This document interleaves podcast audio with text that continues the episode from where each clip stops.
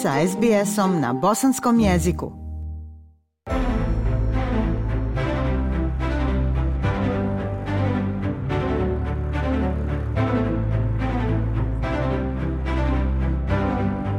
Slušate SBS program na bosanskom. U narednim minutama govorimo o novom metodu otkrivanja raka.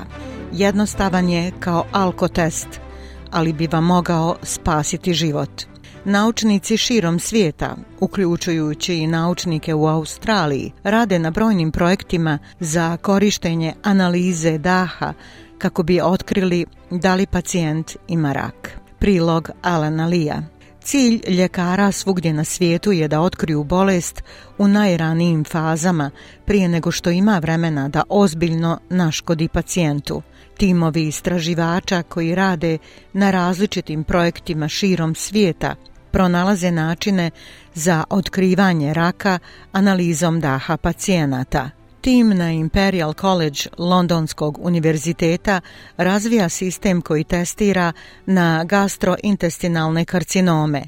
Pacijenti pušu u vrećicu, a njihov dah se zatim propušta kroz nešto što se zove sorbent tuba. Tube se široko koriste u industriji i laboratorijama.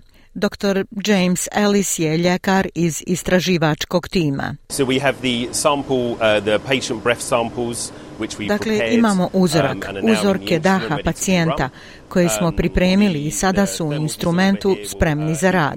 Mašina koja se zove termalni desorber će ih zagrijati i uzeti jedinjenja koja smo prikupili iz daha pacijenta u ordinaciji opšte prakse na instrument koji se zatim zagrijava i ide u našu pećnicu, našu pećnicu za plinsku hromatografiju.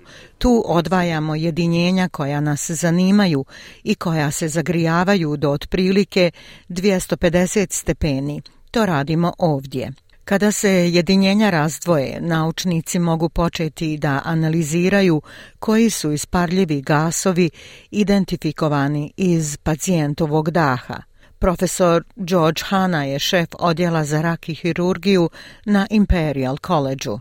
Nazirao je brojna ispitivanja sa testom daha na stotine pacijenata. Sada regrutuju više od 25.000 pacijenata za nova ispitivanja daha, fokusirajući se na gastrointestinalne karcinome, ali on kaže da bi na kraju testovi mogli biti mnogo korisniji od toga. Compound which are in the gas phase, the volatile compounds, are different between different tumors.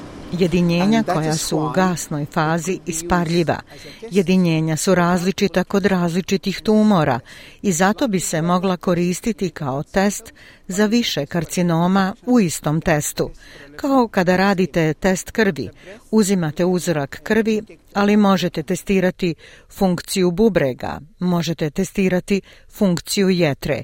Isto tako i analizom daha možemo otkriti više vrsta raka kaže da su uvjereni da test može precizno razlikovati različite vrste raka. Different organs, they have different Različiti organi imaju različitu strukturu i različito okruženje.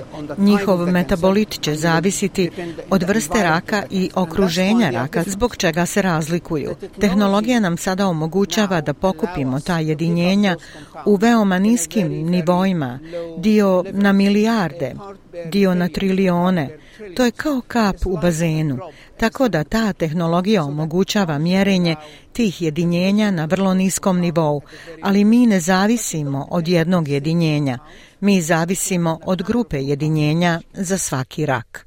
U Sjedinjenim američkim državama dr. Michael Phillips vodi istraživanje na sličan način u Mensana Research u New Jersey u projektu koji finansira Američki nacionalni institut za rak. Poput tima Imperial College-a koriste plinsku hromatografiju za analizu daha pacijenata, ali traže znakove raka pluća.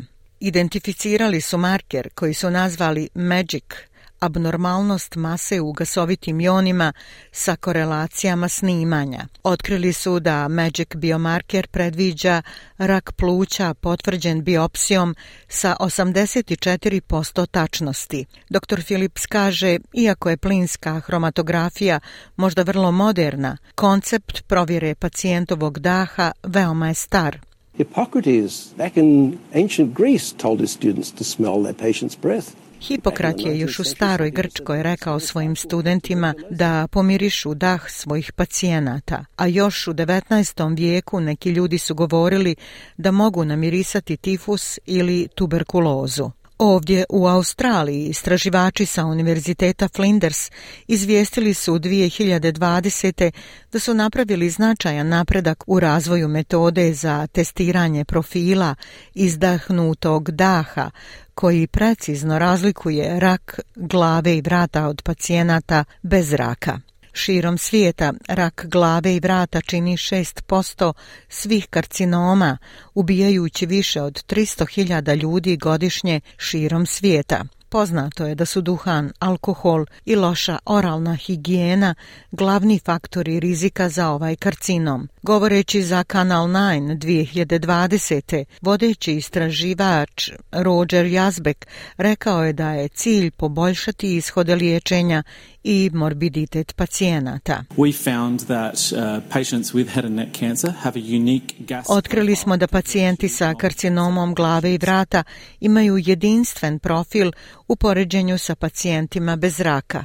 Koristeći statističko modeliranje, istraživači iz Flinders univerziteta uspjeli su razviti test daha koji bi mogao razlikovati pacijente sa i bez raka s prosječnom osjetljivošću i specifičnošću od 85%. Profesor Hanna sa Imperial College-a kaže da je trenutna praksa da se pacijenti ili upućuju na dalje testove ili čekaju da vide da li će se simptomi pogoršati. On kaže da bi prva prva metoda mogla preplaviti zdravstvenu službu, a druga je potencijalno fatalna.